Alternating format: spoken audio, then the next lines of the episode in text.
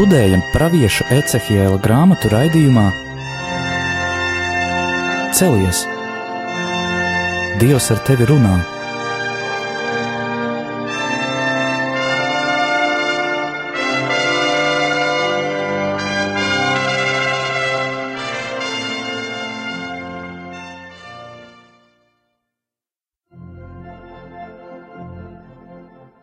Slavēts Jēzus Kristus, mūžīgi mūžos slavēts, studijā Stēla, un Anģela.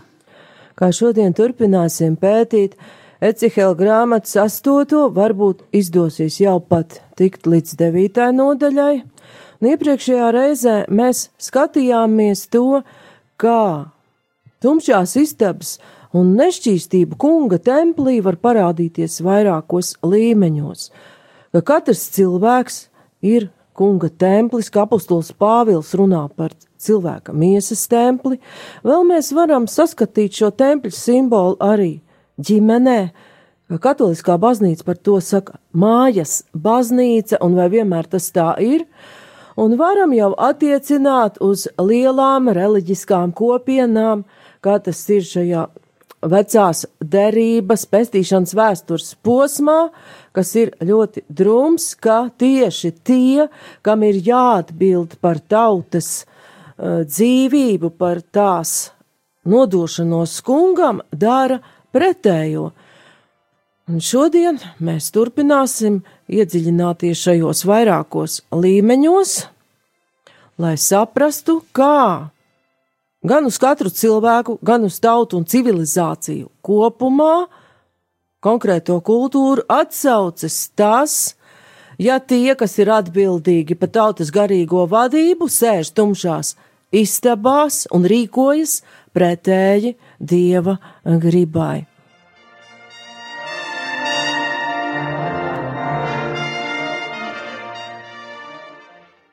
Pagājušā reizē mēs runājām par cilvēku, kā dieva templi par viņa ķermeni, un ka apustulis Pāvils brīdina nesagānīt šo ķermeni, un viņš vairāk gan runā. Tieši Korintas draudzēji, es jau pieskāros tam, kāpēc viņš tā dara, ka Korinta tajā laikā bija ļoti izlaidīga pilsēta, tur zēla dažādi pagānu kulti, uh, kuru ietvaros notika arī tempļa prostitūcija, bet vēl mēs to varam saprast šo necieņu pret cilvēka miesas templi vēl savādāk, un vai tad mūsdienās un mūsdienu sabiedrībā tas kaut kur ir pazudis? Nē, tieši Rietuma Eiropā, kur it kā mēs esam kristīgas civilizācijas mantinieki, pat laban zeļu un plauks, tādas lietas, ko mēs faktiski varam jau redzēt kā pagānu kultu, tādu jau atlieku, pat neatlieku, varbūt pat augšām celšanos, jo ļoti daudz redzam tetovētus cilvēkus. Tas ir moderni un skaisti, ka reizēm tas zīmējums pilnīgi aizēno to cilvēku, kāds viņš izskatās, kādu dievs viņu ir radījis, un nereti šajos zīmējumos ir ietverti arī dažādi ļoti, varētu teikt, no kristīgā viedokļa pat apšaubāmi simboli, un kāpēc tas tomēr ir tāds bīstams faktors, izrādās, ka kungs Jo vecajā derībā Tārā ir aizliedzis iegriezt miesā rakstus, par ko mēs varētu lasīt Levītu grāmatas 19. nodaļā. Tāpat mēs varam lasīt atkārtotā likuma grāmatas 23. nodaļas sākumā, ka kunga draudzē nevar nākt neviens ar kastrēts vai sadragātu kaunumu, tā tad arī ar šādiem miesas bojājumiem netiek pielaists pie dieva kalpošanās. Tas faktiski varētu būt saistīts arī ar to, ka tāda prakse bija. Jau minēju Kibēlas kultu, kur kalpoja tikai einuhi, un bez tam viņi pārģērbās sieviešu drēbēs tā tad. Šajā kultā tika sajaukti šie sievietes un vīriešu dzimumi, un nu, kungs ļoti dedzīgi vēlas pasargāt cilvēka identitāti no šādas rīcības, kas sajauc šo vīrieti un sievieti, un novērš viņus no šī pirmatnējā uzdevuma būt abiem kopā par dzīvā dieva attēlu un dot pasaulē pēcnācējus. Jeremija grāmatā ir Dieva vārds runā uz mums, vai var kur kas paslēpties kādā slepenā vietā, ka es to neredzētu, saka tas kungs, vai ne es tas esmu, kas piebilda debesis un zemi, saka tas kungs. Paldies! Nanģela tuvāk paskaidro šo mūsdienu sabiedrības uzvedību, jo parasti atruna ir tā, dieva vispār nav, viņš neredz, viņam tas neinteresē, bet Anģela ar šo praviešu Jeremijas fragmentu pasaka, ka interesē gan un ka viņš to visu redz un ka tam ir arī tālākas sekas. Katra cilvēka šī atsevišķā situācija atstāja iespaidu arī uz mājas baznīcu. Mēs redzam, ģimenes nav stabilas, tās izjūg, un tas, kas kunga acīs ir negantība, ko viņš ir aizliedzis, tiek uzskatīts par normu. Tā kā gandrīz varētu teikt, ka dēlku kultu atbalsis kad ir šī viena dzimuma persona saskarsme un uh, viena dzimuma uh, persona atvēl, apvelk citas drēbes, tiek uzskatīts par normu. Labi, vīrietis precēs, vīrietis, sieviete, sieviete.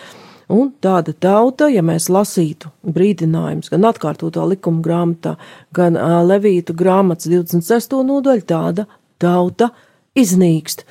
Un, ja mēs skatāmies vēsus, bezskaislīgus skaitļus, tad mēs varam redzēt, ka tautas pieauguma ziņā kādreiz kristīgās Eiropas valsts, valstis ir pašā, pašā lejas galā. Jau daudz kur ir šī negatīvā bilance, ka veco cilvēki ir lielā pārsvarā un jauno nav. Viņi nenāk klāt.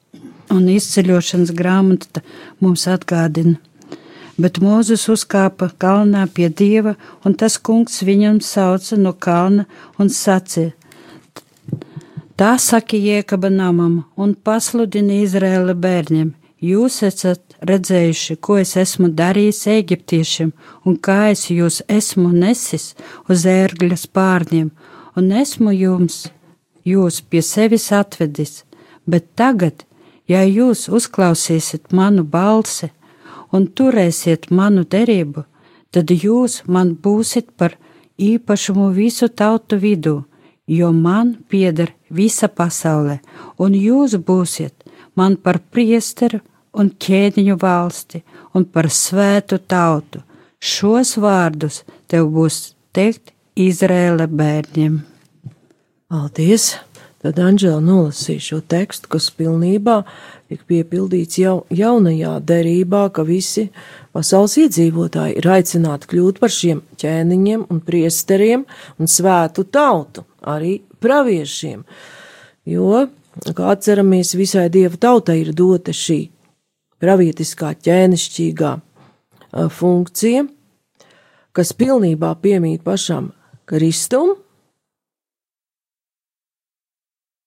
bet vai šodien, kad ir jau Kristus nācis un baznīca ir dzīvojusi jau 2000 gadi, Un neskatoties uz situāciju, kas ir tagad dzīvos tālāk, jo pats kungs ir solījis, ka baznīca Elles vārti neuzvarēs, vai nav kādas paralēles arī ar to laiku un situāciju, kādu redz pravietis Ecehils.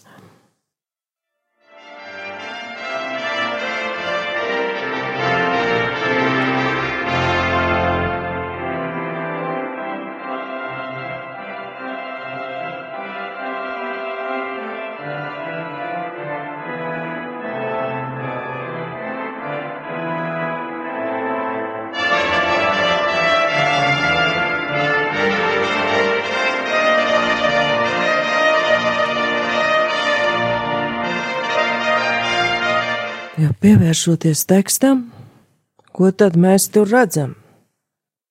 Jo iepriekšējā reizē nedaudz to minējam, ka tur ir norādīts uz tādiem 70 cilvēkiem. Varam saprast vēsturiskajā kontekstā, ka tie ir izradzētās tautas garīgie vadītāji, kuriem ir tauta jāmāca kunga likumā un jāmāca to pildīt. Bet viņi ir iegājuši no citiem nodalītās telpās un pielūdz katrs savu elku pat, un viņi to dara tumsā.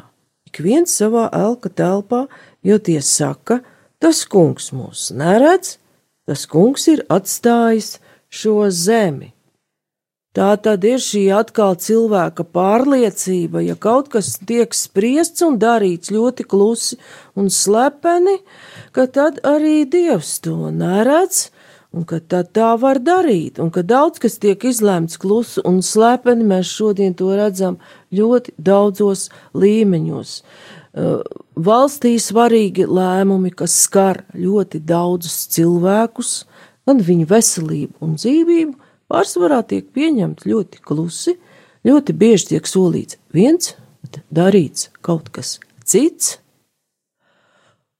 Un šeit jau atpazinām šo sinedriju locekļus, bet vai arī vēlākā laikā nav bijuši šādi klusie, slepenie lēmumi, kristīgajā baznīcā, kuru sekas īsti sāk nākt ārā tikai šodien, ja mēs ļoti gribam pētīt baznīcas vēsturi un skatīties patiesībai acīs, izrādās, ka jā.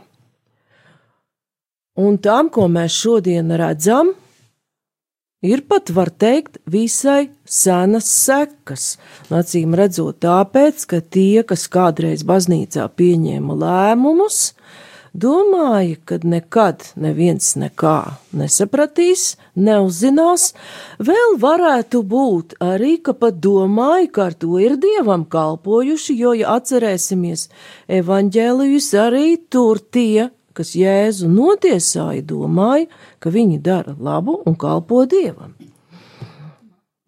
Malahija grāmatā arī rakstīts, un tagad priesteri šis aizrādījums ar pamācību domāts tieši jums.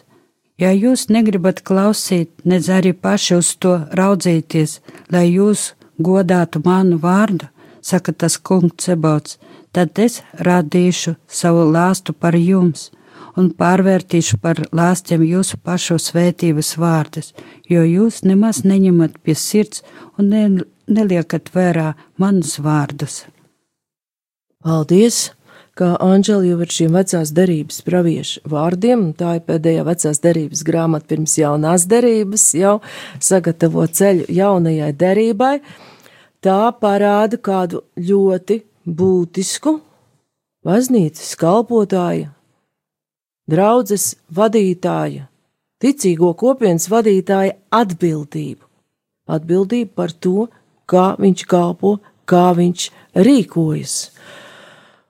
Un pat labāk, kas notiek, mēs visi it kā brīnamies, un ļoti bieži ir šī nostāja pat uh, attiecībā visiem skandāliem baznīcā, ka tie ir nedaudzi, kad tas nav vairākums, jā, vairākums tas nav, bet vai var teikt, ka tas ir nedaudz un tam ir gadījumu raksturs, domājams arī, ka nē, jo šeit es minēšu tikai dažus skaitļus.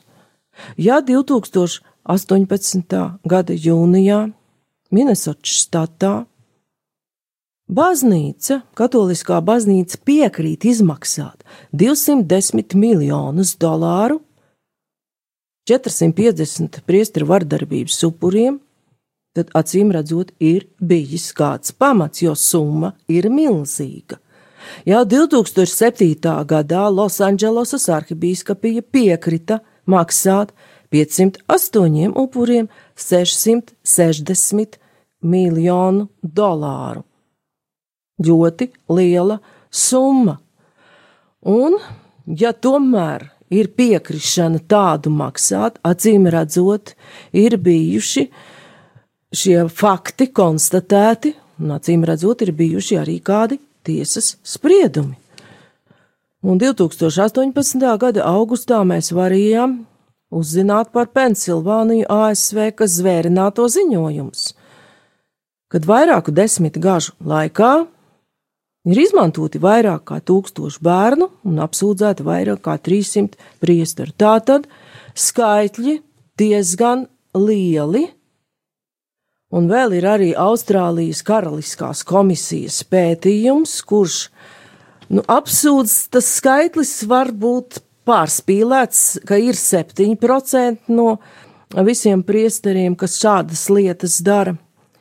Komisija izmeklē, izmeklēšanas darbu veids no 2013. gada, nu, un viņi mēģina atrast cēloņus, un tāpēc arī šī komisija ļoti nepatīk, ka viņa pievērš uzmanību arī šai obligātajai bezlaulībai, kas tomēr ir cilvēku ieviesta kārtība, un būsim Atklāti un godīgi, jā, tas padara garīdznieka darbu arī no augstākās vadības ļoti viegli administrējamu. Tas viss ir pārskatāmi, redzami, bet kā redzam, rada tas arī ļoti noslēgtu garīdzniecības vidi. Bez tam, ņemot vērā, kad visi šie noteikumi ir bijuši pieņemti, kuri, starp citu, ir pretrunā arī ar dažiem tekstiem apstuļu Pāvila vēstulēs, tajā laikā cilvēki pārsvarā neprat ne lasīt, ne rakstīt, un garīdznieks, garīgais vadītājs, viduslaika cilvēkam bija milzīga autoritāte atšķirībā no šodienas, kad nekas vairs nav autoritāte. Un Malahijas grāmatas arī trešajā nodaļā varam lasīt: Redzi, es sūtīšu savu sūti, kam būs sataisīt manu ceļu, manam priekšā, un tad drīz ieradīsies savā namā tas kungs, kuru jūs kārojat. Raugi, viņš jau nāk, saka tas kungs Zebauts, bet kas varēs izturēt viņa atnākšanas dienu, un kas varēs pastāvēt, kad viņš ierādīsies? Ieradīsies, jo viņš ir kā zeltkaļa kausētāja uguns un kā veļas mazgātais sarms. Viņš sēdēs un kausēs un dzirdinās sudra, un dzidrinās sudrabu. Dzidrinās, domāju, jā, jā, un viņš šķīstīs levie bērnus un pārkausēs viņus pamazām kā zeltu un sudrabu ar vien tīrākus. Tad viņi nesīs tam kungam ēdamo upuri īstā taisnīgumā. Un tam kungam tad labi patiks Jūdas un Jeruzalemes ēdamais upuris, kā senajos laikos un priekš ilgiem gadiem. Paldies! Un tas, ko Anģela nolasīja, vieš ļoti lielu cerību un ļauj paskatīties uz šo it kā atbaidošo haosu, kas ļoti daudzus ieļauno un aizbaida pat no baznīcas, nepadomājot par to, ka baznīca, neskatoties uz visām šīm kļūdām, ir paša kunga dibināta, un Elis Vārti to neuzvarēs, ka šajā haosā un tajā faktā, kad arvien daudzas, daudz lietu, arvien vairāk tiek atklātas, ir redzama paša kunga nākšana, kas nāk, jā, ar attīrīšanu un bardzību, bet eh, tajā, ko Anģela nolasīja, mēs redzam arī šo garu, eh, to iznākumu, ka šis baznīcas gars tiek atjaunots un atkal tiek cienīgi pienest šo upuri. Un šobrīd mēs ļoti arī brīnamies par to, kas notiek sabiedrībā. Arī par šo situāciju dažkārt tiek vainota sekularizācija. Bet vai tā sekularizācija īsti ir radusies gluži plikā vietā? Un vai tai un arī šim dzimumu sajukumam, kas patreiz ir mūsdienu sabiedrībā, nav vēl dziļākas sekas, vai arī tur nav kāda baznīcas atbildība. Iepriekšējā reizē es nedaudz minēju arī Sikstu piekto un 70 kardinālus, bet kāds sakars ir Sikstam piektajam, kas dzīvoja 16. gadsimtā ar situāciju mūsdienās, to mēs mēģināsim izprast pēc mūzikas, pēc mūzikas pauzes.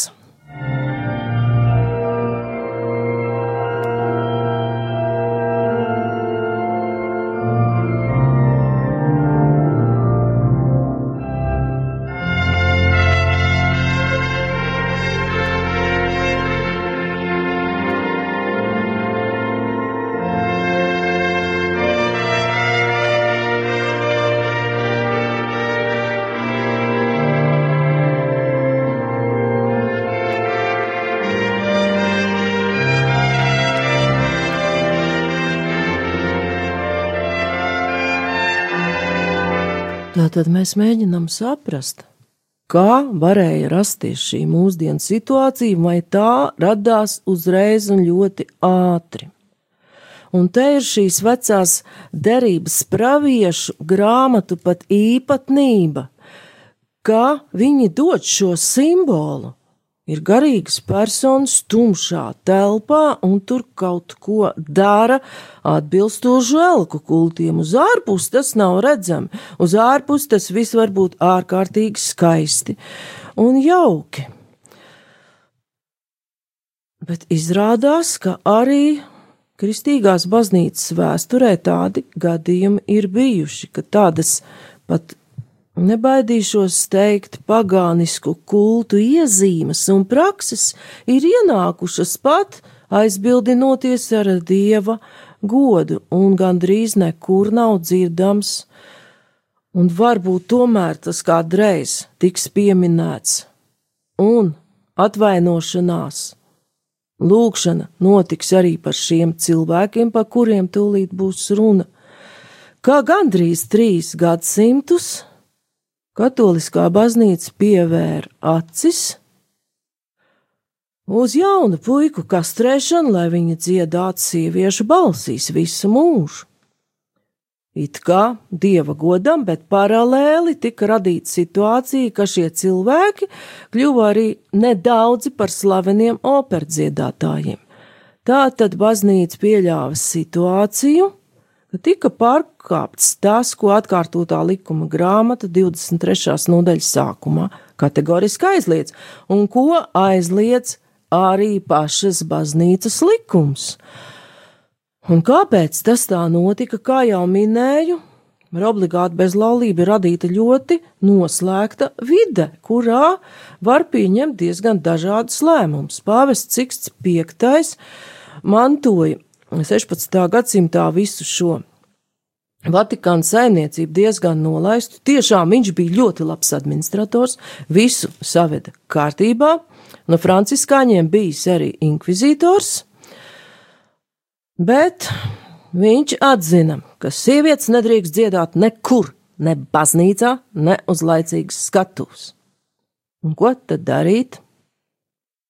Jau bija pazīstama šī praksa pat no Bizantijas impērijas laikiem, ka, ja zēnu kastrē 8 līdz 12 gadu vecumā, viņš saglabā sievietes balsi, pieaugot veidojas šis vīrieša balsu tilpums, plaušu tilpums un veidojas ārkārtīgi skaista soprāna balss, par kuras kvalitātēm mēģina spriest mūziķi, arī vēsturnieki mēģina šo fenomenu atminēt, bet īstas skaidrības par to nav. Un tā šis eh, pāvests Siksts V 16. gadsimta beigās pieņēma lēmumu, pat bullu, aizliegt sievietēm atrasties uz skatuves, un ar to atvēra ceļu šādai, var teikt, bezdievīgai praksei, it kā dieva godam. Kaut gan tas bija arī cilvēka labsajūtai, visa šī dziedāšana jau nonāca elka lomā, un tieši uz operas skatuves radās šie skatuves elki kā Farinelli, Senesino un vēl citi, kuriem nebija īstas dzimuma piedarības, viņi nebija ne vīrietis, ne sieviete, un šeit mēs varam saskatīt paralēlis jau ar mūsdienu skatuves elkiem. Tātad šis tēls ir veidojies jau daudzus gadsimtus atpakaļ, un diemžēl katoliskajai baznīcai pievērot uz acis uz veidu, kādā tas ir darīts. Šeit arī Anģelē vēl kaut kas ir sakāms. Es gribēju izlasīt Jā. no Mateja Vekeli. Jēzus piegāja pie tiem, un uzrunāja tos sacīdams: Man ir dota visa vara debesīs un virs zemes. Tāpēc eita un dariet par mācekļiem visas tautas, tās kristīdami tēva, dēla un svētā gara vārdā, tās mācīdami turēt visu, ko es jums esmu pavēlējis, un redzi, es esmu pie jums ikdienas līdz pasaules galam.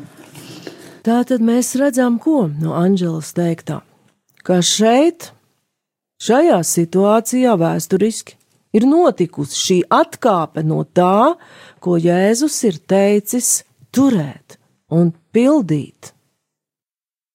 Var teikt, ka šeit ir notika ļoti liels grēks pret cilvēka miesu, bez tam ar ilglaicīgām sekām, jo mēs nezinām, ja cilvēks ir paredzēts dieva plānā, ārpus laika, viņš dzīvo ārpus laika no aizmūžiem, cik cilvēku nenāca pasaulē tādēļ, ka bija vajadzīgi baznīcai soprānu koristi un laicīgajām skatuvēm vīriešu soprānisti. Tā kā arī to mēs nezinām. Bet Mateja evaņģēlī vārdi apliecina, ka arī šajā situācijā kungs ir klātesošs, un šī prakse tika aizliegta 1903. gadā ar pie desmitā rīkojumu. Kaut gan jāsaka, ka tur arī bija liels sabiedrības spiediens. Tātad mēs redzam, ka ļoti grūti pateikt, vai tas bija labi gribēts, vai tas bija izdevīgi, bet arī šādā veidā var tumšā telpā taisīti spriedumi, vai arī acu pievēršana uz baznīcas un kunga noteikumu radīt ļoti ilglaicīgas sekas, ar kurām saskaramies šodien. No aptuvenie skaitļi ir, to ir pētījuši mediķi un mūziķi, un šie pētījumi man ir atzīmēti, kādos es to lasīju, jo es vadījos no internetā publicētiem zinātniskiem pētījumiem, un viens no šiem profesoriem Ginsburgs ir profesors Luvēns Katoļu universitātē, ka no 17. un 18. gadsimtā vidēji gadā tika kastrēts 2 līdz 8 tūkstoši, līdz 2 līdz 4 tūkstoši zēnu un ap 20% nomira. Tātad tomēr tas rada jautājumus, vai mūsdienu situācijai nav sanāka izcelsme, kā mums patīk domāt. Un lai viss, ko baznīca gadu simtos ir uzskatījusi par ērtu un labu, vienmēr ir sevi attaisnojis. Bet neraugoties uz to, vēl arī Anžela grib teikt kādas vārdas.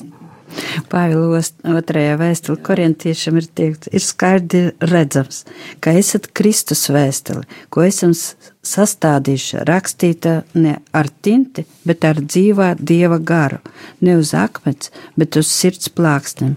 Tāda paļāvība mums ir caur Kristu uz Dievu.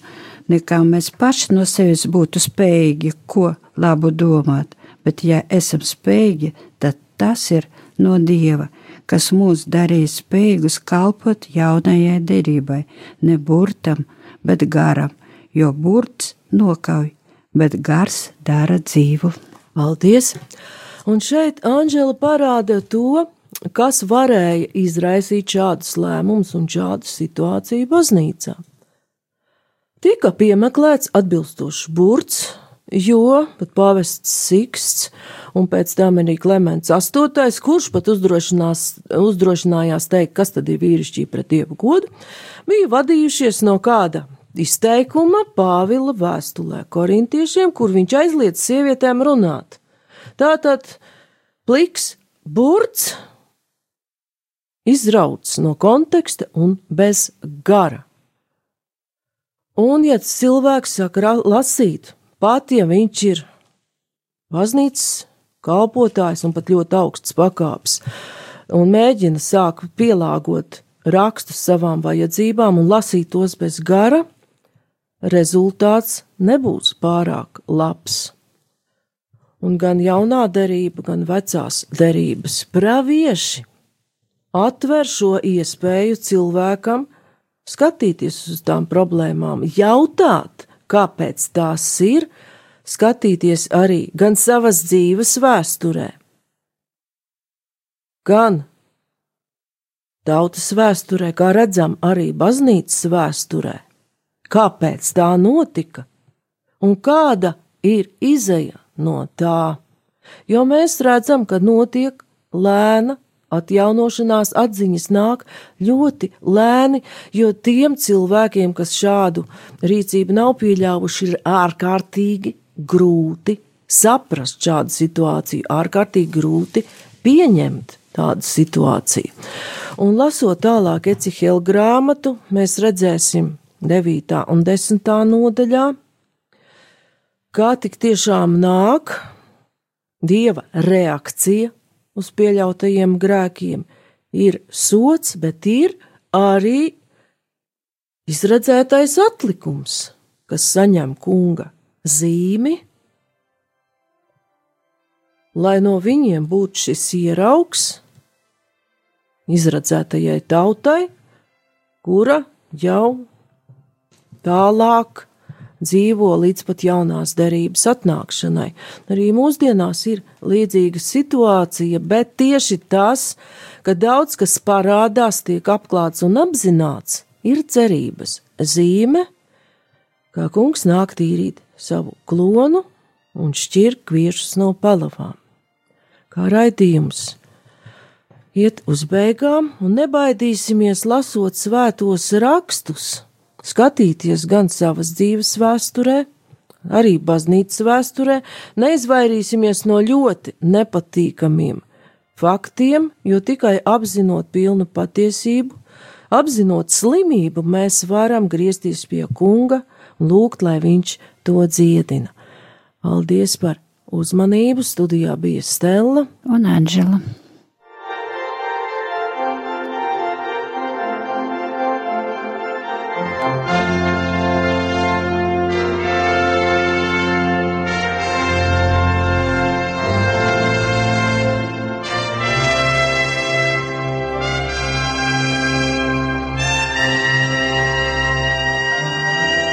Izskanēja raidījums